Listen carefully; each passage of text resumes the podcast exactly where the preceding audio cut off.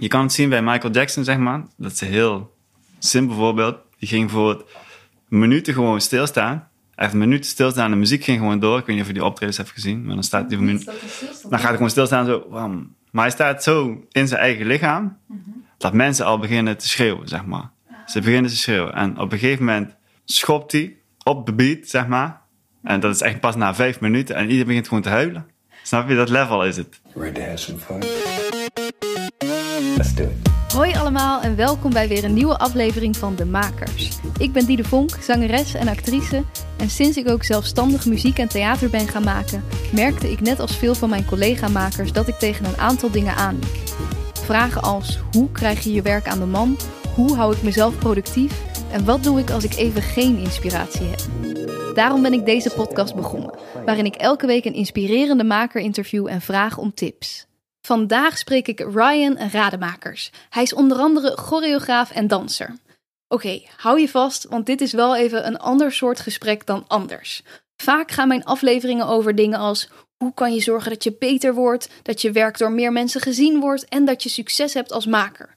Ryan verraste me met zijn visie, namelijk vergeet je ego, wees aanwezig in dit moment. Alles wat je doet is al goed, want het gaat om het proces. Hoe kreeg hij deze verlichte mindset en hoe kunnen we hier allemaal wat meer van krijgen? Ryan gaf me veel inzichten waarvan ik dacht: je hebt zo gelijk. Heel belangrijk om daar zo nu en dan eens naartoe terug te gaan. Hij maakte vorig jaar de multidisciplinaire voorstelling Presence, waarin het stimuleren van verschillende zintuigen met behulp van muziek, dans, digitale beelden en licht centraal stond. De stijl was een crossover tussen Qigong en hip-hop. Twee op het oog natuurlijk hele verschillende stijlen. Hij heeft deze voorstelling kunnen maken met behulp van een makerstraject en een crowdfunding via Voor de Kunst. We zullen het daarom ook hebben over hoe crowdfunding precies in zijn werk gaat, wat hij daarvan heeft geleerd en wat hij daaraan over heeft gehouden. Dat en veel meer hoor je in deze aflevering. Heel veel luisterplezier. Hier is Ryan Rademakers. Maar ik ben dus Ryan Rademakers en ik maak uh, dansstukken. En soms maak ik ook muziekstukken. En ik maak het meestal voor mijn omgeving. Dus dat is wat ik maak. En dat is niet heel precies. En soms organiseer ik events, evenementen voor andere mensen. Dus dat is waar ik mee bezig ben. En je zegt uh, dansstukken, muziekstukken. Uh, mm -hmm. Wat voor instrument speel je? Of? Uh, ja, instrumenten. Ik, meer computer gerelateerd waarschijnlijk. Ik speel wel de laatste twee jaar iets meer gitaar en piano dan. Maar dat is meer akkoorden en dan zet ik ze in de computer en dan pas ik ze aan. En oh. dan maak ik daar een muziekstuk van. Dus dat is meer op, op oog, denk ik. En op? op oog en op geluid. Dus dan kan op ik oog, zien. Dus op, uh, op, ja, op zicht, zeg maar. Ja, op ja. zich, ja, ja, ja, visueel. Ja. Oh. ja. En dansstukken dan. Nou, daar zijn we misschien iets meer voor hier. Voor het dansen.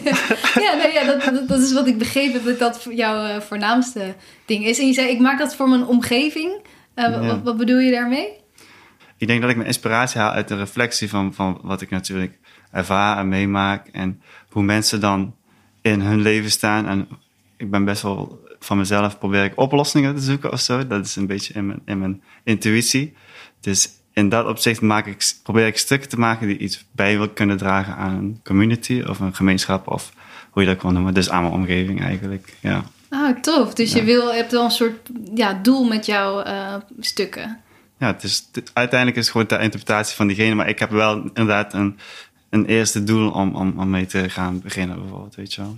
Ja, vanuit ja. waar jij werkt dan, ja, zeg maar. een route of zo van waar ik werk. En dan kan dat de interpretatie zijn voor de mensen, maar het is wel vanuit, ja, vanuit een route. Ik weet niet hoe ik het anders uit moet leggen. vanuit, de, vanuit een wortel, ja, precies. Ja. En, uh, en voor, voor mensen die nog nooit werk van jou hebben gezien, ja, wat voor stijlen maak jij of dans jij of uh, choreografeer je? Hoe ziet dat eruit? Hmm, dat is een goede vraag. Ja, ik ben dus begonnen met improvisatiedans eigenlijk. Dus improvisatiedans was mijn eerste insteek van beweging. Samen met van mijn familie meegekregen yoga dan. En later leerde ik uh, Tai Chi of Qigong een beetje kennen. Dus die stijlen zijn eigenlijk, dat is mijn beginkern en vandaar ben ik gaan groeien. En ben ik meer hip-hop stijlen gaan toevoegen aan mezelf en daar proberen in te laten groeien. Best een uh, evoluerende stijl is, zeg maar. Nou, dat blijft hangen, daar kun je best wel veel in ontwikkelen en zoeken en doorzoeken. Dus dat, ja, die interesse was bij mij heel erg. En die overlapping ook in Qigong en Tai Chi, maar dan ook met hip-hop, die, ja, dat sloot gewoon van mij heel erg aan. Dus denk ik. Ja, wat grappig. Want het zijn stijlen die je niet heel vaak bij elkaar hoort. En ik vind het ook wel interessant nee. wat je zegt dat je dat uh, yoga eigenlijk van, van huis uit al mee hebt gekregen. Uh, nu is yoga bij heel veel mensen heel populair. Maar hoe mhm. zag dat er bij jullie thuis dan vroeger uit? Ja, het is vooral uh, van mijn moeder. En mijn vader is dan die is een beetje meer...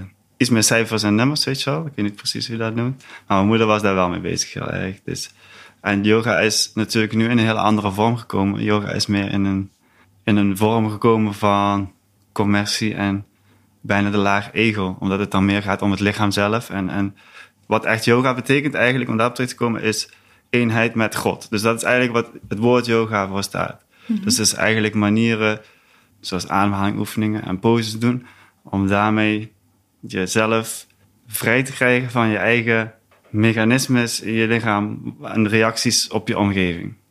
Dus als je heel veel reacties op je omgeving hebt, dan zet je jezelf een beetje vast en dan ben je niet open naar wat je ziet. Mm Dus met echte yoga doen we oefeningen om daarvan los te komen. Van je desires en van je needs en van je attachments en zo. Wow, dat vind ik dus super interessant. Want ik inderdaad, yoga, uh, ik hou ook heel erg van yoga, maar dan ook mhm. toch wel om uh, weet ik veel, leniger te worden of om uh, goede ja, poses te kunnen of ja, zo. Ja, dat is maar dat is dus eigenlijk allemaal vanuit ego. Uh, of ja, vanuit... Ja, dat is misschien heel grof gezegd. Tuurlijk, dat, is niet van allemaal vanuit ego, want dat gaat ook weer hand in hand natuurlijk. Want zonder, zonder ego dan, dan was je er al niet meer, weet je wel. Mm -hmm. Maar de, alleen de ene kant kiezen is wel... Zeg maar, als ik alleen voor het stretchen zou gaan en dan niet in mijn stretches gaat focussen op mezelf en me focussen op bijvoorbeeld alleen mijn stretch en alleen mijn stretch, wat al heel moeilijk is, in plaats van in die stretch gewoon denken aan, oh, straks ga ik uh, eten maken en dan moet ik nog uh, mijn administratie regelen en dan moet ik, snap je, dat komt er allemaal bij, in plaats Zeker. van helemaal teruggaan naar dat wat er dan is, weet je wel, gewoon één punt, één focus, dat is heel, gewoon heel moeilijk eigenlijk. Ja. Dat is gewoon misschien wel het moeilijkste moeilijkste wat er is. Maar dat heb jij dus eigenlijk vanaf een hele jonge leeftijd al meegekregen. Ja, en dat is nog steeds moeilijk. Want dat krijg je mee, maar dat, moet je, ja, dat is niet iets wat je... Dat is gewoon oefening, oefening, oefening, oefening. Ja, dat is uh, in de sportschool je spieren trainen. Ja, ja, ja. dus het is niet iets wat je gewoon kan op een gegeven moment? Nee, ja, sommige mensen wel. Die, dat is gewoon, die zijn geboren op die manier. Want je hebt ook een voorstelling gemaakt, uh, echt rondom uh, het thema bewustzijn. Dat heeft hier natuurlijk ook veel mee te maken. Ja, ja, um, zeker. waarom, waarom kwam er het moment dat je... Ja, hoe kwam dat moment er dat je die voorstelling wilde maken? Op een gegeven moment wou ik gewoon proberen dat om te zetten in iets, iets wat tastbaar is voor een ander of zo. En dan met wat ik had meegekregen en dat gewoon om te kijken hoe dat dan zou zijn voor een publiek en in het theater. Want ik had dan wel zelf stukken gedaan en zo. En uitvoerend een kleine stukken gemaakt. En mm videoconcept en zo, dat wel. Maar nog nooit echt geprobeerd die kern op te zoeken. En dat dan weer om te vormen naar iets waar je naar kan kijken. En dat het probeert dat te triggeren bij de mensen. Ja. Dus dat het probeert een soort van, uh, bij mensen die kijkt, dat die bepaalde focus krijgen of bepaalde wegdoezelen. Of misschien wel in slaap vallen of zo. Snap je dat soort... Dat was mijn aim eigenlijk. Dus als je in slaap zou vallen, zou ik dat helemaal goed vinden natuurlijk. Dat was oh, niet ja? erg geweest. Ja. Omdat het, het was ook heel... Het was een heel... Uh, ik weet niet of Tai Chi, tai chi wel, denk ja. ik toch? Maar ja, misschien kun je het nog even uitleggen voor de luisteraar. Oh ja, dat is die het niet kent. Ja, ja, dat is wel leuk. Um, ja, dat is dus een, uh, een Oosterse bewegingsleer. Waarin je ja, met verschillende doelen. Dus vaak is het voor uh, fysieke ontwikkeling of gezondheid. Of uh, meer rust in de klas, meer overzicht in je hoofd. Dus dat zijn allemaal verschillende doelen. Het wordt gebruikt in martial arts, het wordt gebruikt in scholen, het wordt gebruikt in, als monnik gebruik je het ook. En dus voor je onderhoud van je lichaam wordt het ook gebruikt. En daarmee zijn ze gefocust niet alleen op de buitenkant van ons lichaam, maar ook hoe is je focus op je, op je liquid in je lichaam, dus je bloed oh, en ja? dat soort dingen. En hoe pompt dat? En ze, ze, ze zijn erg van mening als je als bloed of liquid in je lichaam stagneert of stopt, zeg maar, niet goed doorloopt, dan krijg je bijvoorbeeld ziektes en dan, dat is de theorie erachter. Mm -hmm. Dus daarom is bewegen ook gewoon belangrijk, want dan komt bloed overal en dan circuleert alles en dan blijven we langer gezond. Zeker, ja. Dus dat is een beetje heel in het kort. Die, de gedachte achter Tai Chi. Ja, heel kort wel. Maar, en, ja, want ja, hoe... Dat is een hele, hele studie natuurlijk. ja, ja, We kunnen alweer vier in de podcast maken met al deze onderwerpen. Ja.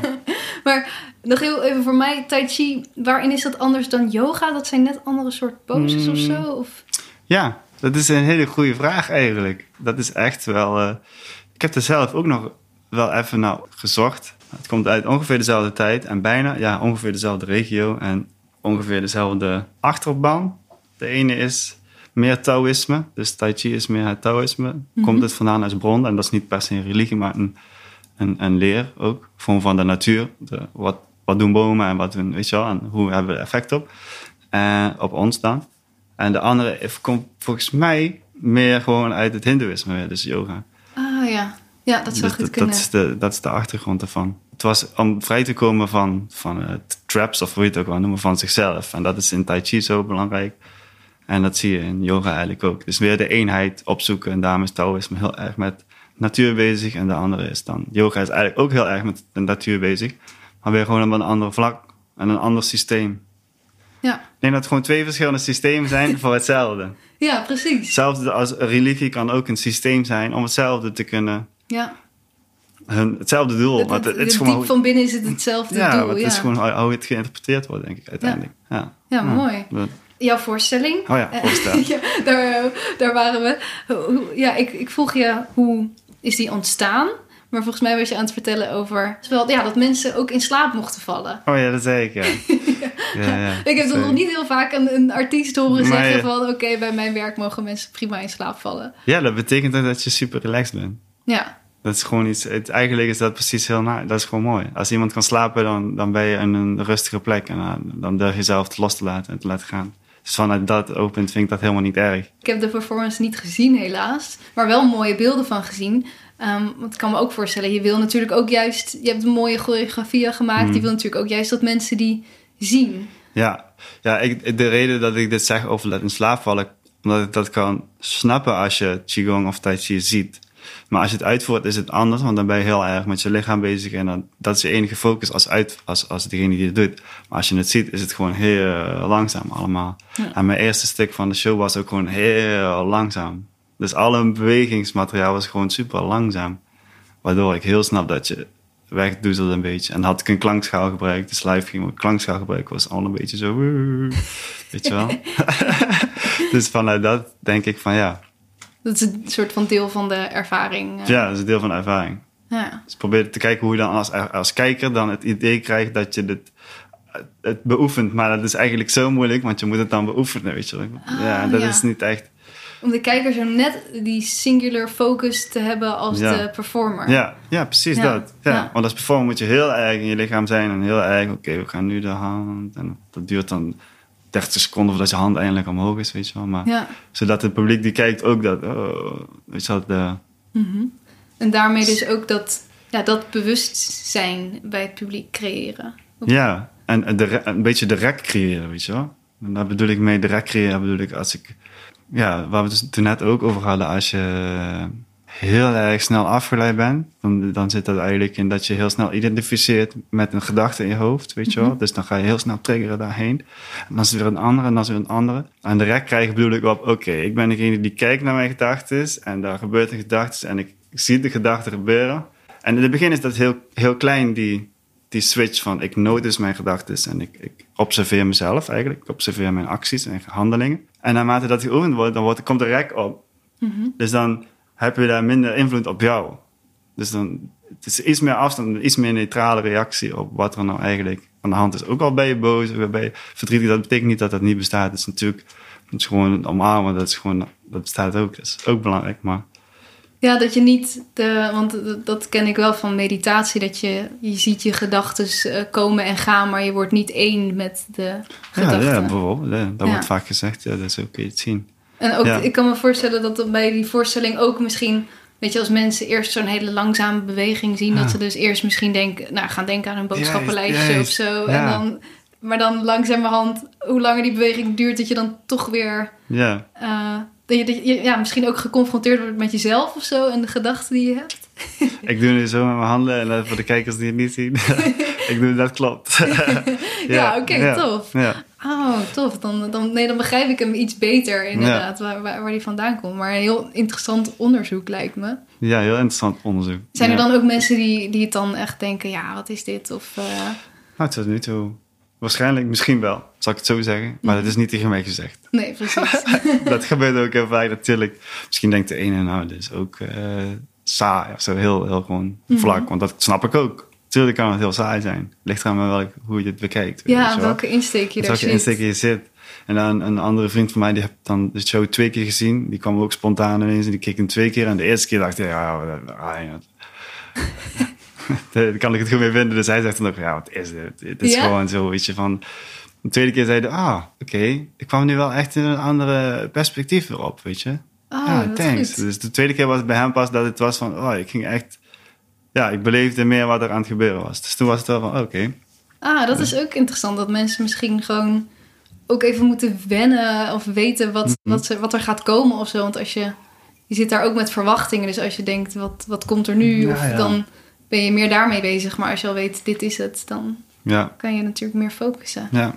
Ik wil nog even wat meer weten over jou en jouw achtergrond als, Oh ja, als tuurlijk. danser. Hoe, hoe ben jij... Ja, je hebt dus vanuit eh, je jeugd yoga heel erg meegekregen. Mhm. Heb je een, een, ben je een dansopleiding gaan volgen? Of hoe heb je jezelf ontwikkeld als danser? Ik heb eh, eerst dus improvisatiedans gewoon voor mezelf gedaan. Heel, heel open en vrij. Maar hoe, hoe moet ik dat voor me zien? Gewoon jij in de slaapkamer? Gewoon, ja, en de muziek in de slaapkamer en gewoon bewegen. Want Heerlijk! beweging zat al zeg maar in, in het leven dan. Door sporten heel veel daarvoor en zo. Dus beweging Ja? was er wel.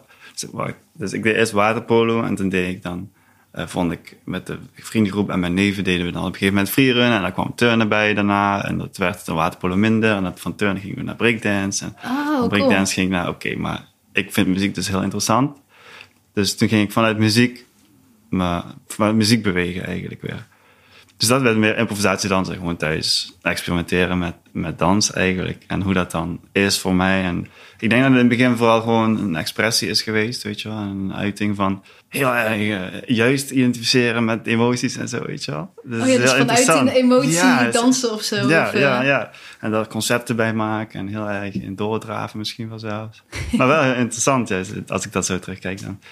En toen eh, ben ik wel een opleiding gaan doen. Toen was ik eigenlijk bij een dansschool eerst klein. Toen ging ik danslessen volgen, want ja, Dat moest je, ergens, ja, dat doe je. En dan heb je ook de mensen om je heen die dat ook doen, dus dan wordt het interessant. Toen heb ik wat optredens gedaan. Toen dacht ik, ja, toen had diegene waar ik mee de optredens, die had het georganiseerd.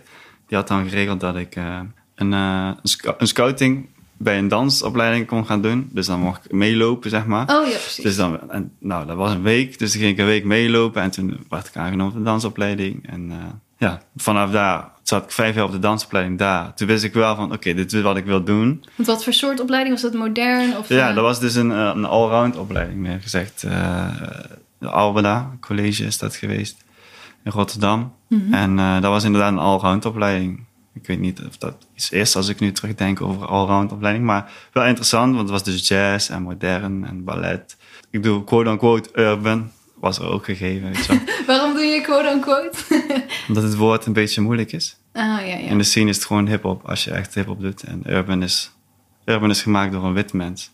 Oh, ja? Zeg maar, dat is van, eigenlijk wel. Urban betekent inner city. En de cultuur zelf is hip-hop. Dus dat heeft iets is buitenaf gezegd over iets wat Ja, dat komt niet vanuit die cultuur komt zelf. niet vanuit de kern. Weet nee, wel. Het wordt wel gebruikt soms en het is nu een soort van woord, er wordt mee goed mee omgegaan, weet je wel. Ja, nee, dat is inderdaad En, wel eh, goed om te doen. Dat dat niet een term is die nu nog eh, ja, zo heel geaccepteerd is. Ja. Of, eh, Ja, het is er nu natuurlijk allemaal met, Nee, maar dat, is- dat zal niet iedereen weten misschien. Dus het is goed dat je het even benoemt. Ja. Dat dat niet vanuit die hip-hop cultuur zelf komt. ja, en ik zeg ook urban quote-unquote, omdat die dansstijl die daar toen werd gegeven, ja, dat was gewoon, dat kun je dan inderdaad eerder urban noemen. Of dat was niet echt de root van wat... de eh, echte. Ja, dat was gewoon niet de root. Maar dat is niet erg. Wa- Wat is wel echte hip-hop? Of hoe heb jij die echte hip-hop leren kennen? Want dat is ook een grote liefde dat, van jou. dat is ook wel moeilijk om voor mij te zeggen natuurlijk. Ook omdat ik dan weer eh, wit ben. Maar ook even leren kennen. Ja, door de muziek en door de vrienden om me heen natuurlijk.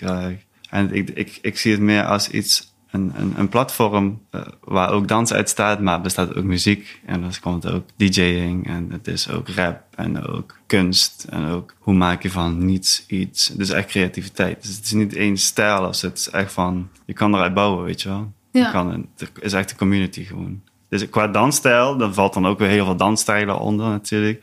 En dat zijn allemaal de muziekstijlen die we dan ook weer kennen, zoals house en hip-hop en popping en dus funk. En locking is ook funk en wacking of wacking muziek of house. Nee, zijn bepaalde muziekstromingen waar ook weer dans bij hoort. Ja, dat is een bepaalde uiting van mens opgekomen en dat is dan dans, die dansstijl geworden, zeg maar. Ja, precies. Ja, ja. En toen jij eh, nou, klaar was met die opleiding, hoe heb je je toen verder ontwikkeld? Hoe ben je toen in een soort community terechtgekomen? Of hoe begin je dan ergens als danser? Ja, ik ben heel erg van met mezelf altijd gaan werken. Wel met de, de correcte, proberen de correcte informatie, weet je wel, en daarmee werken. Maar dat bedoel ik met mezelf gewoon, gewoon werken ervoor. Zeg maar ontwikkelen. Het, het gaat niet, zeg maar, hetzelfde waar we het straks over hadden. Het gebeurt niet zomaar, weet je wel. Ja, Je moet gewoon stap voor stap en elke dag dingen herhalen, doen en doen en ondervinden en fout gaan. Heel veel fout gaan en snappen dat je niks weet, weet je wel.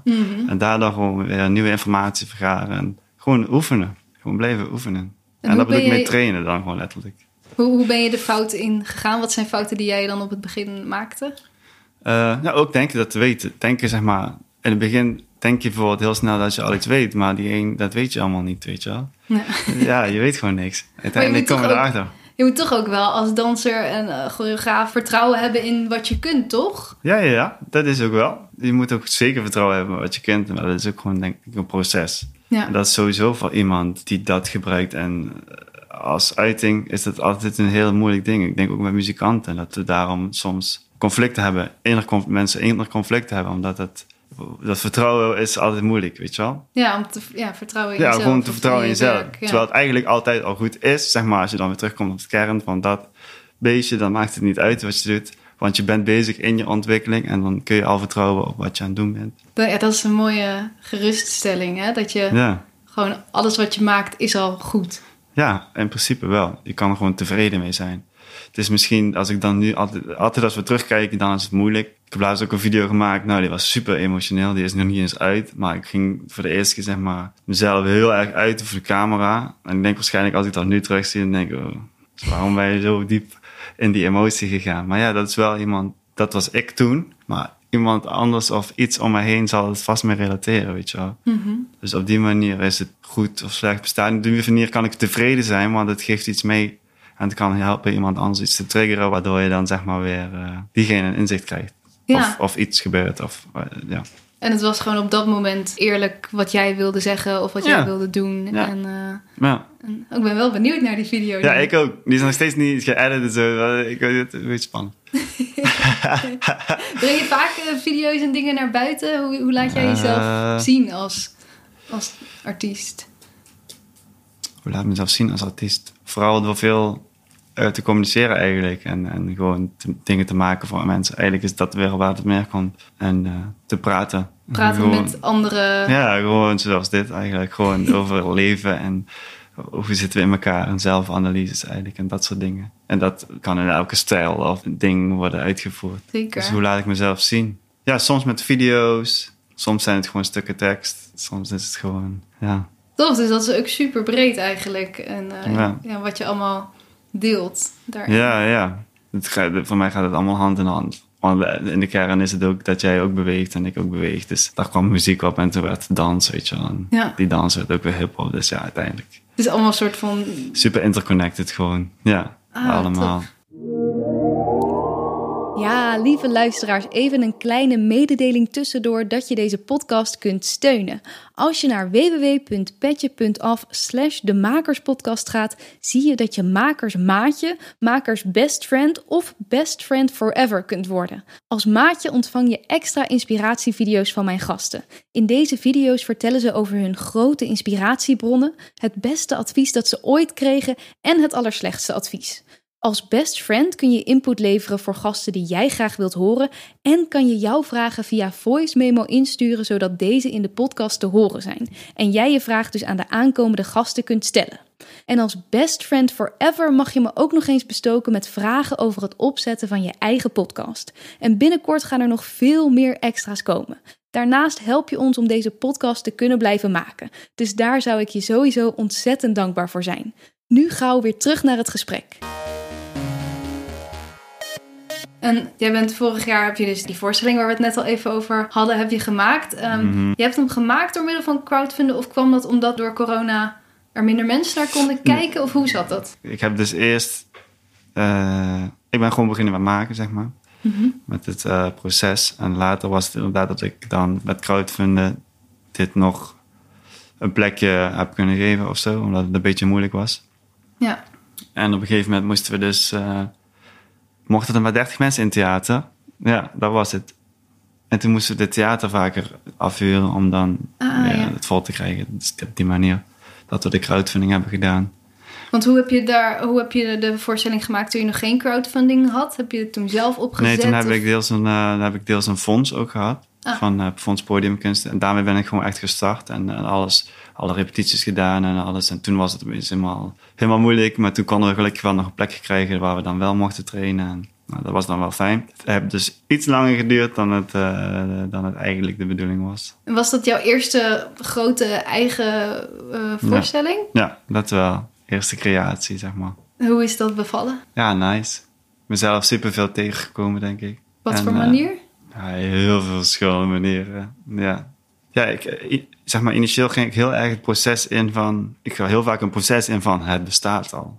Dus ik heb ook al eerst, eerst tegen dans gezegd, de allereerste repetities... Maak je niet druk. Het is er eigenlijk al. We moeten alleen even alles zo bij elkaar leggen. Dus de, alle puzzelstukjes zijn er al, maar we moeten zeg maar, de puzzel nog in elkaar leggen en dan, dat komt wel goed. Maar dit is het concept en dit willen we geven aan de mensen. En het bestaat eigenlijk al, maar we moeten even kijken hoe we dat dan gaan laten zien aan de mensen. Want snap je, alles is al verteld uiteindelijk. Dus met die insteek ging ik er ook in. Dus alles is al verteld niet als in... Het is niet origineel, dit verhaal is al eerder verteld, maar meer in de zin van... Ik moet denken aan die, volgens mij is het een beeldhouwer die zei... Het, het, het beeld zit Hmm. al in het steen, maar je moet het er alleen nog uithouden of zoiets. Ja, ik denk wel dat je het zo kan vergelijken. Ja, Dus, ja. Maar dat klinkt ook als een hele relaxe werkmethode. ja ik weet dat is ook misschien. Ja. Ben je, wat is jouw stijl als choreograaf? Ben je... Ja, op die manier. Dus in, in, de, in het moment werk ik heel erg. Ja, ik werk gewoon heel erg per repetitie in het moment. Kleine dingen heb ik dan misschien wel gezien of, of, of opgeschreven en daarmee werken. Of woorden werk ik mee, weet je wel. Of thema's. Of gestures van, van, van dingen die normaal zijn in het leven, zeg maar. Of handelingen bedoel ik dan. Eh, Gewoon Ja. normale handelingen, weet je. Dus daarvan uit werk ik dan wel. Het is vooral heel erg in het proces, in het moment. Dus dan is het bijvoorbeeld... Oké, we gaan nu alleen maar werken aan ademhaling. Want ademhaling vind ik dan opeens interessant. Dus dan is het... We gaan nu werken aan ademhaling. En ademhaling linkt sowieso aan iedereen, weet je wel. Dus dat is dan het thema waar we die repetities aan gaan werken gewoon. En dan gaan we heel erg diep proberen zoveel mogelijk in ademhaling door te gaan. Wat kun je er allemaal mee? Wat doet het eigenlijk met ons lichaam? Dus dan gaan we erover praten. En een beetje filosoferen en dan bewegingen mee doen. En dan komt ook weer meteen die qigong weer terug van... Oké, misschien kunnen we dat stukje daarvan pakken. En dus het is heel erg eigenlijk in de moment. Maar Ja. dan wel weer met die route en die doel. Ja, precies. Dus dat die route en het doel, dat gebruik je dan in de woorden en de, de bewegingsvorm. Ja, dat zit er dan onder. En, Ja. en hoe lang werk je dan aan zoiets? Nou, dit hebben we toch wel eh 18 weken of zo. 18 weken, is best veel. Maar dan gewoon wel rustig hè? En, dan, en dan een keer per week of zo. dus niet eh, 16 tot elke dag 18 of zo. eh. Nee, niet flink. Nee. Nee. Iedereen, voor mij moet iedereen ook ruimte krijgen. Dit was, ik had niet alles gepropt in één. Ik had het kunnen doen, maar toen was het dus ook corona. En ik vind het fijn, omdat, toen was het juist heel fijn. Dit proces is gewoon gegaan zoals het is gegaan natuurlijk. En toen is het gewoon één keer per week. En ene week was het op een gegeven moment dat niemand kon. En dan was het niet. En de volgende week dan was het wel. Maar dan was het ook wel, die repetitie waren wel gewoon vier uur lang of vijf uur lang achter elkaar. En dan gewoon even goed werken. Dan weer even loslaten. Ja, En dan weer terugkomen met wat we hebben gedaan, de nieuwe ideeën, waar zijn we nu, wat moeten we puzzelen, weet je wel. En alle, alles. Op een gegeven moment was het gewoon al het materiaal. Oké, we hebben allemaal materiaal. Nu moeten we gaan zeggen, dit moet weg, dit moet zo, dit moet ruimer, dit moet rustiger, dit moet verlengd worden, weet je wel, dat soort dingen. Dus tof. het is echt organisch eigenlijk, ja. Vind je dat het leukste om te doen? Ja, ik vind dat wel fijn werken, omdat ik dan ook werk vanuit hun. En dan bedoel ik mee de mensen die dansen en die in het stuk zijn. Ik vind het heel belangrijk dat, een, dat hun ook hunzelf kunnen zijn en, en kunnen uiten, waardoor het ook goed overkomt naar, naar een publiek en echt overkomt, eerlijk overkomt naar een publiek. Als ik alleen maar materiaal voor zou doen en zeg, dit moet je nu nadoen en Ja. drill het. Ik heb daar zelf, vond ik dat nooit zo fijn. Dus mijn keuze is daar nu in. Ik begrijp het wel heel goed, zeg maar, die werkwijze werkt ook heel goed natuurlijk. En sommige stukjes hebben we dat ook gedaan. Gewoon om visueel even iets moois te maken, weet je wel. Gewoon even vastleggen, oké, dit is het dan. Het werkt gewoon goed voor een publiek. Maar in de koor vind ik het fijn om iemand, met iemand te praten en speculeren. Oké, maar vind je dit fijn om, om jezelf zo te tonen op, op, op podium, weet je wel? En voel je je comfortabel? En hoe ver kun jij dan gaan als je je zo comfortabel voelt? Ja, dus die ruimte echt eh, geven aan de dansers. Ja, Ja, tof. ja. Wat vind je het lastigste aan het werk wat je doet? Wanneer kom je jezelf het meeste tegen? Of is alles gewoon top? Je dat? komt jezelf natuurlijk wat tegen, lastig. Lastig vind ik als ik zelf afgeleid word en dan in het proces te blijven waar ik mee ben begonnen. Ah, Dat heb ik dus meegemaakt ook in dit proces. Omdat het een lang proces is, heb je meer kans dat je afgeleid wordt door andere eh, situaties, zeg maar. dat er een, ander iets tussendoor komt. Of... Ja, gewoon iets met, eh, met de familie of zo, weet je wel. Dat je dat heel zit in je hoofd helemaal bij de familie en dit is aan de hand. En dat is weer waar we het straks over hadden. Dan moet je proberen dat dan weer te zien en dan weer terug te komen naar het project waar je mee bezig bent. Ik denk dat lastig, lastig, ja, ik vind dat wel soms moeilijk, ja. Om dan, eh, om dan toch bij de kern te blijven. En ook om niet te schieten naar, ik wil dit laten zien. Maar weer terug te vallen steeds op het doen voor het grotere beeld, snap je? In plaats van, ik creëer het en maar ik creëer het voor meerdere Ja. dan komt dus zo'n gedachtenstroom of zo'n situatie langs. En dan word ik helemaal meegezogen, waardoor het opeens wordt het ook, ja, maar moeten dit nu, dit, weet je wel. En dan denk ik, oh, stop, stop, dat ben ik niet. ja, precies. Dat je te makkelijk dan, of niet te makkelijk, maar dat je gewoon toch bij mensen gauw meegezogen worden Ja. door iets wat direct je aandacht nodig heeft. ja, dat is ook logisch natuurlijk. En dan te blijven bij jouw project. Ja. Ja. Ja. dat is ook bijna onmogelijk, denk ik, om je altijd op één ding te Ja, dat focussen. natuurlijk. Dat is ook niet de bedoeling, weet je wel. Dat is helemaal niet de bedoeling. Je moet gewoon ook eh, leven. We zijn allemaal mens. Ja. Je moet gewoon lekker fouten maken en lekker blij zijn. Ja, we moeten, kunnen niet alles goed doen. Dat is niet de bedoeling. Nee, dat is ook waar. Dus daar ook in dat proces heb ik juist dat ik dat weer heb geleerd of zo. Ja. Dan gebeurt het wel, maar dan denk ik nu van, ja, dat is dan wel precies een leerproces. Nou, prima. Mhm. Misschien de volgende keer is het iets minder. En eh, hoe, hoe ging dat, dat crowdfunding in zijn werk? Want ik ben daar wel even benieuwd naar. Want je hebt echt een soort makerstraject gevolgd bij Voor de Mhm. Kunst. Ehm, ja, ten eerste, waarom... Want ik hoor ook wel eens van mensen van... Ja, ik wil niet crowdfunden, want dan moeten mensen betalen of zo. Terwijl, eh, ja, dat, dat, dat wil ik pas als ze een kaartje krijgen. Waarom hebben jullie besloten om het toch wel te doen? ja, ik dacht, waarom niet? ja, het was zeg maar, ik had voor de, voor de kunst had ik gevonden. En toen dacht ik, ik schuif dit aan de kant. Ik laat het even zitten. Dus Ja, we, hadden, ja. we hadden een fonds en dan gingen we aan het werk. En toen had ik voor de kunst ook gevonden. Toen dacht ik, nou, dit gaan we even aan de kant schuiven. Ik hou het in mijn hoofd, maar nog ja, niet. Ja, nog niet. is nog niet aan de orde, zeg maar. Het was gewoon even niet aan de orde, want we konden, we konden gewoon vooruit. Ja, In je principe had gewoon het konden geld we van het doen. Ja, fonds. En... Het was gewoon in orde. En toen kwamen opeens allemaal dingetjes van corona en zo. Toen dacht ik nog steeds, weet je, kalm. Er is niks aan de hand.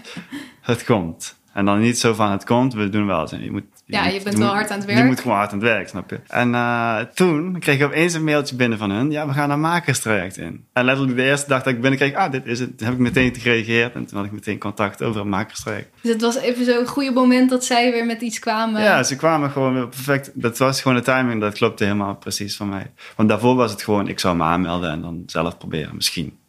Misschien. En Ja, nu ja, was ja. het zo van, we gaan makers, nieuwe makers helpen. En dit was gewoon precies waar ik mee bezig was. Dus het was zo, ah, dat klopt. We gaan gewoon inschrijven. Kijken wat er dan op ons afkomt. Nou, super fijn. Dus dan gewoon een soort van even extra begeleiding Ja. in, eh, in, in je project dus op poten zetten. Wat hield dat in, dat makerstraject? Ja, begeleiding inderdaad met andere makers ook.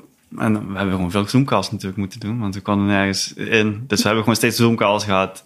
En ook met voor de kunsten zelf dan, die met ons praten van hoe hun dingen zien. En hoe hun dan voor de kunsten, hoe je dat dan moet aanpakken eigenlijk. Dus hoe je moet aanpakken dat je dan de financiële stabiliteit krijgt in dat project en in jouw traject van voor de kunsten Ja? ook gewoon luisteren naar de andere zeg maar, makers en ook ondernemers uiteindelijk. Want ze zijn gewoon allemaal aan het ondernemen en iedereen had andere ideeën. En dat is eigenlijk, ik denk dat voor mij dat het interessantste is. Een soort van mini-netwerk Ja, die ook allemaal nieuw maken. En de ene is zangeres en de andere is product eh, designer en de andere is... Dus je kan in een groepje met eigenlijk allemaal verschillende Ja. soorten makers... die ook nog niet super lang bezig zijn... eh, die ook een project aan het opstarten waren. Ja, Wat tof, wat leuk ook. En inderdaad fijn om dan zo'n beetje te kunnen sparren. Ja, dat is wel sparren geweest inderdaad. Want heb je daar verder nog iets... eh, ja, wat, wat zijn de grootste lessen die je hebt geleerd uit dat traject? ja, dat het gewoon wel mogelijk is om, om te beginnen met mensen uit je omgeving en daar te vragen om een donatie. En dat je eigenlijk kan starten uit niets als je zou willen. Starten vanuit niets. Dus, Ja, starten van het niets gewoon. ja, dus beginnen inderdaad als je nou ja, donaties zoekt, vrienden en familie Ja. benaderen. Ja, en die dan weer een week later de volgende kring en de volgende kring. En dan op die manier, zeg maar. Ja, En dan pas social media aan het gaan gebruiken. Maar hun hadden zeg maar allemaal stappenplannen en zo voor ons dan gemaakt. Hoe we dat dan het beste konden aanpakken. Dat hebben we Oh, wel geleerd van. Ja, dat is wel nice. tof. Ja. Je zei net de volgende kring, de volgende kring. Misschien is dat wel goed om nog even uit te leggen. Je begint dan met zo'n crowdfunding met dus je familie, je vrienden. En ja hoe- alleen familie eigenlijk in het Oh, begin. je begint met je familie. Ja. En hoe, ja, hoe kom je steeds verder? Want op, ik kan me nog wel voorstellen van nou, je, je familie die geeft misschien wel een donatie. Mhm. En je vrienden misschien ook. Maar hoe kom je dan bij die volgende rand van mensen die jouw werk misschien nog niet kennen? Of eh, vrienden van vrienden? Of, ja, hoe, Ja. hoe kom je daarbij? Eh, ja, eerst, eerst is familie. Dan de familie gaat bij de, ja, de bredere familie ook weer uitzetten, zeg maar. Dus dat Oh, ja. is een Neven andere familie. ja, precies. Andere ja, ja, familie. ja. leden. En die heeft weer zijn netwerk en die heeft een bedrijf. Dus die zet het op zijn e-maillist. En die, oké, vanuit daar gebeurt al best wel wat. Best wel in het begin dan krijgt het even zo'n push. Althans, dat was bij mij. En toen, eh, ja, toen inderdaad dat je vrienden gaat benaderen. En gewoon de communities waar je in zit. En misschien heb je een e-maillist en dan kun je het eruit sturen, weet je wel. Ja. En vanuit daar heb ik ook nog bedrijven benaderd waar ik altijd heb gewerkt, zeg maar ook. Voor, voor Oh. mensen waar ik voor heb gewerkt, gewoon als danser of als, of als docent of als organisator of iets. Gewoon Mhm. uit mijn verleden en gewoon benaderen en kijken of ze dat deden. Dus dat was de volgende kring die ik had gedaan. Oh, dat is wel slim. Gewoon de mensen met. Je hebt, je hebt al voor, waarschijnlijk voor zoveel verschillende mensen gewerkt ooit eens. En die gewoon even te informeren van: hé, Ja. hey, ik doe dit. Ja, en daar is eigenlijk altijd wel een positieve reactie op. Want die zien dat je door aan het gaan bent. En die vinden dat heel interessant. Oh, is, zij is nou bezig. Of bijvoorbeeld een oude dansschool waar ik op zat. Ja, dat was gewoon heel snel. Die vonden dat gewoon zo leuk. En was, ik was nog steeds bezig. En dat supporten, weet je wel. Dus dat, ja, dat is een goeie. En daarna was het dan gewoon social media en mijn vrienden op social media. En mensen die ik ken die influencer zijn op social media. Gewoon een beetje, beetje druk, drukken, weet je wel. Even die influencers. eh, Ja, oh, gewoon pikken, weet je wel. Ja. Ja, het, is, het is gewoon marketing eigenlijk. Ja, precies. Ja. maar dat gewoon marketing is soms nog. eh, ik denk wel dat zo'n crowdfunding actie je dan kan helpen om dat gewoon te doen of zo. Want misschien als je, als je zelf die voorstelling had gemaakt, had je die stappen nog niet echt gezet om al die mensen te gaan benaderen. Van, eh, het is niet alleen zeg maar dat je er dan een donatie uit krijgt, maar natuurlijk ook gewoon mensen die weer komen kijken en die het weer kennen en zo. Ja. Ja, of je zet je netwerk gewoon op een slimme manier in, denk Ja, ik. maar je verbreedt je netwerk een beetje. Ja. Je krijgt dan ook gewoon een e-maillist van alle mensen die gedoneerd hebben. Ah. Dus dat is ook heel fijn. Doe je daar nog wel eens iets mee met je e-mail? Ik had in het begin al wel even gedaan, zeg maar mijn projecten aangekondigd, maar toen was er weer alles dicht. Toen dacht ik, wat gaan we Ja. nou doen joh? Ja, dat kan je nog delen. Ja. Ja. Dat is ook zo. 10 oktober hebben jullie het dan dus gespeeld. Mhm. En heb je het daarna dan nog vaker kunnen doen? Dat theater vaker af kunnen huren? Nee, nog niet. Oh, wat jammer zeg. ja, dat is wel jammer hè? Dus, dus dat staat nog op de planning voor wanneer het weer kan of zo? Ja.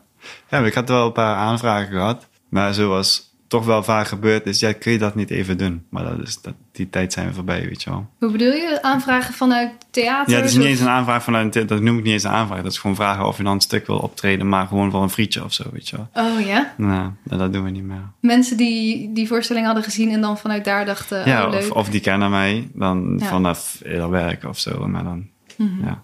Ja, goed, het, goed dat je die grens. beslissing hebt gemaakt. Want dat, dat doen we niet meer. nee. Heb je dat op het begin wel, wel eens gedaan? Ik doe nog steeds wel eens. Het is niet per se een, eh, iets ergs. Maar bij dit project denk ik van ja, dat heeft gewoon de waarde. Want sowieso moet ik minimaal de waarde aan mijn dansers geven die er staan. De rest maakt mij al minder uit. Maar Mhm. hun moeten gewoon krijgen wat ze moeten krijgen. Ja. Daar sta ik altijd. De mensen die van mij werken moeten gewoon precies krijgen wat ze krijgen. Ja. Want ze hebben ervoor gewerkt. Het liefst krijgen ze nog extra. Want ze doen hun best. En ze moeten best wel intensief ook toch die dansshow doen. Dus dan denk ik, ja, je moet gewoon professioneel betaald krijgen. Punt. ja. En, maar jij eigenlijk ook, toch? Ik ook wel, ja. Ja, ja. Maar dat regel ik dan nog wel. Oké, Ja, goed dat komt wel goed. Dat bij mij gewoon niet zit dat ik kan. Nee, klopt. Gelukkig. En ik had vergeten te zeggen, bij Voor de Kunsten, bij dat traject, hebben ze ook nog hun eigen netwerk van Voor de Kunsten ingezet. Dus dan hebben ze, hun hebben ook eh, een stukje tekst geschreven, volgens mij, of het project doorgestuurd naar, naar, naar fondsen. En dan gingen fondsen ook weer kijken naar of ze het interessant vonden. Mhm. En toen weet ik, bij mij heeft eh, Limburg heeft gedoneerd. Zeg maar. Dus dat, omdat ik dan daar ook vandaan kwam, Ja. vond dat interessant. En hun hadden dat dan, via Voor de Kunst hadden ze dat daar dan bij hun gelegd. Precies, dus, dan, ja, dus, die, dus ze hebben ook gewoon een groot netwerk aan fondsen die jou ook weer Ja. sneller kunnen, kunnen supporten, zeg maar. Ja. Ja. En dat lijntje is gewoon heel kort bij hen. Als ja, ik want dat jij kunt dan- misschien zelf ook wel eh, hun gaan mailen met een voorstel, maar dan is dat Ja. toch moeilijker. Ja. Want jullie hebben dus wel Fonds Podiumkunsten al gekregen. Hoe ben jij met subsidie aanvragen en zo? Kan je dat goed? Ik weet niet of dat goed kan. Ik ging het gewoon doen. Ja, gewoon gedaan en... Ja. eh, Ja, dat heb ik toen gewoon gedaan. Ook met gewoon vol vertrouwen. Het was gewoon in één keer, oké, we gaan schrijven, schrijven, insturen. We zien het wel. Maar Mhm. ik vertrouw eigenlijk wel dat ik het krijg. Dat was het eigenlijk heel erg. En toen was het ook acht weken later zo dat ik op gesprek mocht komen. En vanuit dat was het gewoon, eh, dat het was gelukt. Oh, nice. Want daar Ja. hoor je echt wel vaak mensen mee struggelen. Maar dat, dat was eigenlijk Ja. dus een eerste keer dat je het probeerde en het, het ging gewoon. Ja, ja, daarvoor wel wat, wat eh, stichting gift, gifts en zo. Oh, ja. mensen gifts uitgeven. Dat heb ik wel gedaan voor kleinere projecten. Maar niet voor dit of zo. Dat was de eerste keer, ja. En nu, je zei net al, ja, we hebben nu echt al lang niet kunnen spelen. Sowieso voor jou kan ik me voorstellen dat heel veel Nou. dingen nu stil liggen.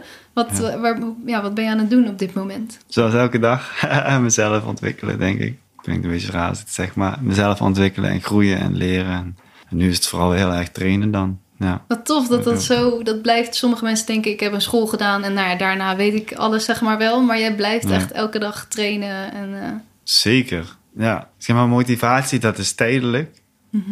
Maar als je weet dat het niet anders kan, dan is dat best maar discipline. Want je gaat het gewoon doen, want het kan niet anders. En als ik me motiveer zelfs elke dag met een doel, ik ga moet dit, want dit, dan gaat het, dan gaat het nooit voor mij, dat zou niet zo zijn. Dus ik moet gewoon weten dat het niet anders kan. Want het kan niet anders. Dan elke dag gewoon te doen. En te ontwikkelen en te doen. En, want ook al heb ik een droom of een doel, dit komt trouwens van mijn trainer af, daar heb hij tegen mij gezegd. En toen dacht ik, ja, je hebt gelijk. Daarom is ik natuurlijk mijn trainer. Hij zei, eh, ook al heb je een droom, je gaat die nooit behalen. En dat klinkt echt heel cru, maar het is een droom. Dus iets in, dat is een droom, weet je wel. Mhm. En je komt er misschien wel dichtbij, maar al bij, bij heb je dat, is het dat niet. Zeg nee, maar. dan wil je weer wat anders. Ja, het is je proces waar het om gaat. En geniet daar gewoon van en doe het gewoon. Er is geen andere weg, want die droom die blijft een droom, zeg maar. Dat is gewoon een doel, dat blijft een doel. En je gaat wel stapjes misschien dichterbij komen, maar dat is niet, dat is niet het, het, het doel. Nee. Want je bent hier al mens, dus dat is al genoeg, weet je wel. Weer op die manier. Dus Ja. ik denk dat ik daarom ook gewoon altijd terug kan vallen. Oké, we gaan weer lekker bewegen en oefenen.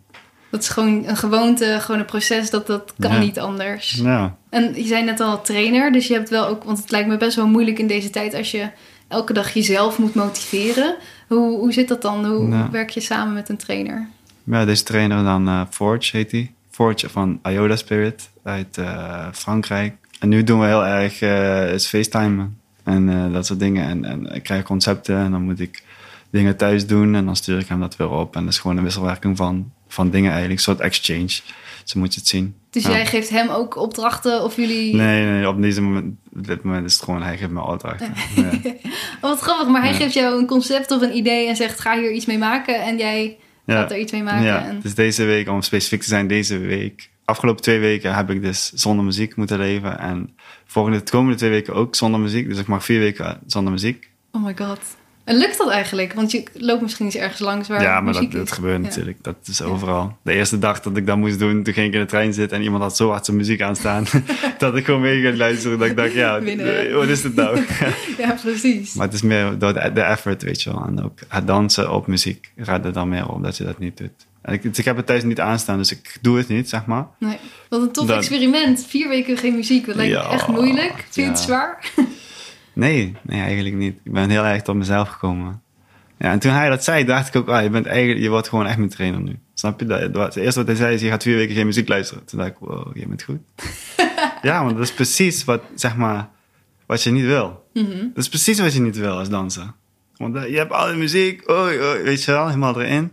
Dan weet ik gewoon, je bent goed. Want je confronteert mij. Dat is misschien niet eerlijk voor mij, maar het gaat er wel iets... Er zit iets in waar je helemaal gelijk in hebt. Snap je? Want het is zo'n trigger in mij. Ja. Dus ik vertrouw er heel erg op. Dus ik denk, ja, oké. Ja, dit is een goede oefening, dacht ik toen. En eh, toen... Het is wel challenging, maar wat ik dus nu merk, om terug te komen op de vraag, is dat ik heel erg juist wel tot mezelf kom en zo. Dus heel erg in mijn lichaam zit en heel erg eh, gefocust ben en minder afgeleid ben en rustig, kan mijn ademhaling horen. Ik luister veel beter naar alles om me heen en zo, weet je wel. Dat was ook de oefening, want eh, hij vroeg aan mij, wat, wat wil je nou doen, weet je wel? Wa- waarom draag je mij om, om, om dat te doen? En toen zei ik, nou, als ik dus inderdaad, met, als je met yoga bezig bent of qigong bezig bent, dan ben je consistent. En ik, dat stel ik gewoon als vraag.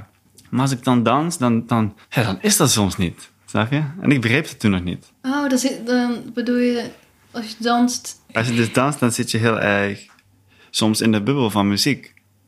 En in muziek kun je heel erg uit je controle halen van je lichaam. Ja, Want muziek is gemaakt. Muziek kan glas kapot maken. Muziek is gemaakt om, om te beïnvloeden van mensen.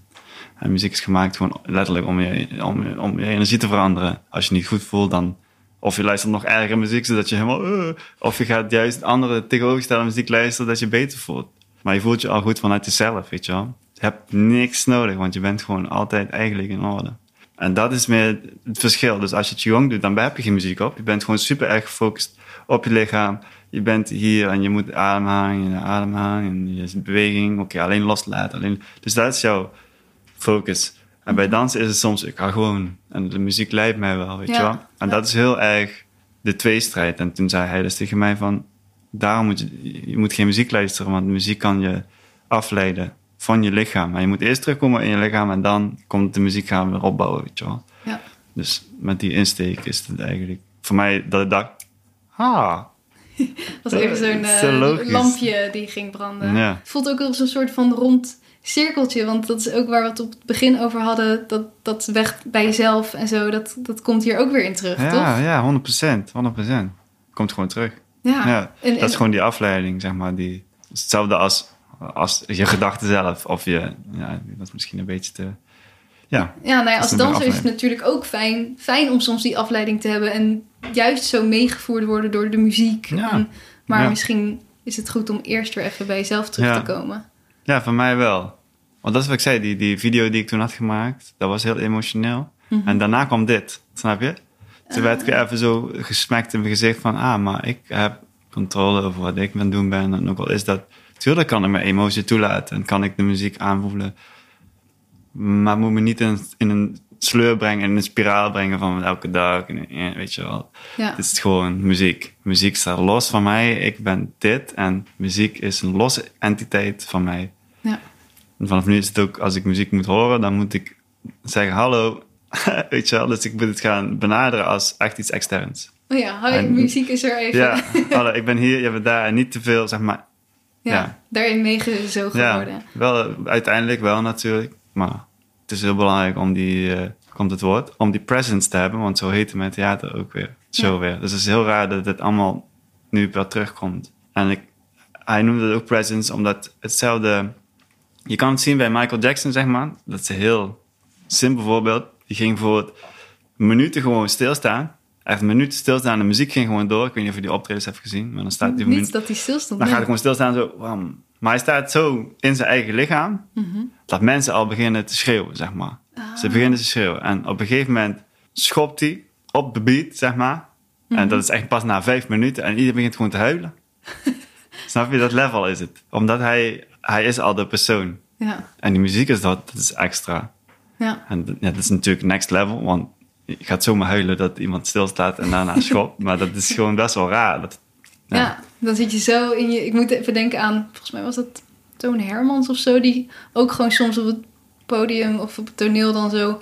eh, een cabaretier is dat minutenlang stil was. En dat mensen zich helemaal doodlachten. Mhm. Ja. Terwijl hij niks deed. Dus Ja. dan was hij gewoon of zo. Dat kan al heel veel oproepen. ja. Ja, super interessant. Want dan, dan roep je inderdaad weer op wat mensen zien. Zeg maar, de- iedereen heeft een perspectief. En die, dat wordt dan geïnterpreteerd. Dus dan spelen, de artiest speelt daar met dat. Ja. Dus hij staat gewoon stil. Maar die mensen gaan allemaal dingen verzinnen, weet je wel. Ja, dus het is echt een projectie Ja. van wat je zelf in het publiek Juist. vindt. Hey, wat gaan we nog eh, van jou zien, horen in de toekomst? Wat, wat zijn plannen? Hmm, ja, hele goeie. Ik ben nu bezig met eh, kleine dingetjes. Ik heb wat dansers dan geïnterviewd. Ook een soort mini-podcast, maar alleen audio. Oh, En dat gaat meer over het bewustzijn van de danser als hij aan het dansen is en wat er nou allemaal gebeurt in, in hun. En hoe het is om dan zo'n pad te bewandelen, want dat weten we niet allemaal als danser of als buitenstaander van dansen. Dus daar ben ik mee bezig. Waar kunnen we die horen? Uh, nog niet, nergens. Ik heb nog geen idee daarvan. Dus ik heb nu vijf keer vijf, vijf afleveringen opgenomen of zo. Mhm. En uh, ik, ik heb nou echt geen idee waar ik dat ga doen, helaas. Oh, Als ik dat nu wist, had ik het meteen gezegd. Nee, dan gaan we gewoon mensen die dit uh, later horen... Ik, ik, ga het erbij zetten als het eruit is. Oké, okay, dank je. Dat zou heel leuk zijn. Cool. Uh, daar mee bezig. Ehm, ja, we hebben een community in Tilburg dan. Ben ik kijken voor een workshopdag te organiseren voor hen, zodat we gewoon samen kunnen zijn en gewoon even, want we zijn, mensen zijn zo lang uit elkaar geweest, gewoon dat we even weer bouwen en ontwikkelen van elkaar. Dus een soort van iets van teach one. Als jij iets kent en weet, of je bent een ondernemer en ik ben een danser, dan gaan we gewoon zitten en dan wat kun je me leren en wat kan ik je leren, weet je wel. Oh, tof. Ja. Um, bezig, ja, vooral dus mezelf ontwikkelen. Dat blijft nu dit jaar even bezig. Ik denk dat ik daar even heel veel aan heb en genoeg aan heb om, uh, om even mee door te gaan. Ja, even toch zelf ja. het eigen proces. Ja, eigen proces. En natuurlijk, als ik het, als ik het theatershow kan gaan uitzetten, dan zet ik hem wel weer uit. Ja. Dat is 100, echt 100% zo. Ja, ik ben ja. heel benieuwd. Ik hoop dat ik ja. hem nog kan gaan zien ergens. Ja, vast wel, maar we weten niet wanneer. Nee, we weten niet. Maar uh, heel erg bedankt dat je hier aanwezig wilde zijn. Is er misschien tot slot nog iets wat je mee wilt geven aan mensen die nu luisteren, makers of dansers, maakt niet uit. Uh, in een les die jij nog geleerd hebt, of een, een, fijn advies of een tip? Ja, blijf altijd open. Ja. Wat voor iemand, wat, welke reactie, wat je omgeving, blijf open voor je omgeving. Mm -hmm. Dat is de enige tip die ik kan geven. Want zo blijft je creativiteit ook open. En dan ga je niet gelimiteerd denken. Nou. Zijn er momenten geweest dat je dat zelf extra lastig vond om open te blijven? Tuurlijk. Dat is voor iedereen. Want je hebt een heel, uh, heel, maar, hele familieverleden. Dat heeft iedereen. Mm -hmm. Je bent in een familie geboren en dan leer je allemaal dingen. En dan, dat is al gelimiteerd, weet je wel. Ja. Zo ver gaat het eigenlijk. Maar blijf open. Blijf inderdaad open en probeer elke situatie overnieuw nieuw te zien. Fris te zien. Ook al heel, heel moeilijk, ook in deze tijd. Zeker nu deze tijd met al die rellen en zo. Ja. Alsjeblieft kijk open, want ze komen allemaal van dezelfde source. En misschien zegt die ene dat en die ene dat, maar uiteindelijk is het, zijn we dezelfde beestje achter ons gedrag. Ook al is het gedrag niet, kunnen we niet al het gedrag zeg maar goedkeuren. Nee. Kunnen we wel diegene daarachter zeg maar blijven zien. Blijven zien en vergeven en compassievol zijn aan elkaar, liefdevol zijn aan elkaar. Wat heel moeilijk is in zo'n situaties, denk ik. Ja, oh, dat super is een goede boodschap. Ja, Ja, thanks. tof. Dankjewel. Leuk dat je er wilde zijn en uh, Tuurlijk. dank voor al je wijze woorden. Oh, wat lief. Dankjewel. Dank voor het gesprek. Graag gedaan. Dat was hem. Heel veel dank Ryan en jullie dank voor het luisteren. Dit zijn mijn takeaways van dit gesprek. 1. Focus je op het proces. Niet op of iets al goed genoeg is of op een bepaald doel dat je moet halen. Je bent in ontwikkeling, dus alles wat je maakt is al goed. Maar ga aan de slag elke dag. Blijf bezig, blijf ontwikkelen. 2. Het bestaat al, we moeten het alleen nog ontdekken. Ryan gaat compleet relaxed een repetitieproces in. Natuurlijk werken hij en zijn dansers super hard, maar hij is niet op voorhand al gestrest van wat het moet gaan worden. Zolang de visie en de boodschap helder is van wat je wilt vertellen, hoef je de rest alleen nog maar te ontdekken. Alleen ontdekken klinkt misschien nog vaag, dus om richting aan het proces te geven, werkt Ryan met focusrepetities. Bijvoorbeeld één repetitie helemaal gefocust op ademhaling en wat je hier precies mee kan. Zo maakt hij met zijn dansers een hoop verschillende dingen die dan op het einde weer samengevoegd worden. 3. Een maand zonder muziek. Muziek doet zoveel met je gemoedstoestand. Zeker als je danser bent, maar ook als filmmaker en misschien zelfs ook wel als muzikant, kan dit een super waardevolle opdracht zijn.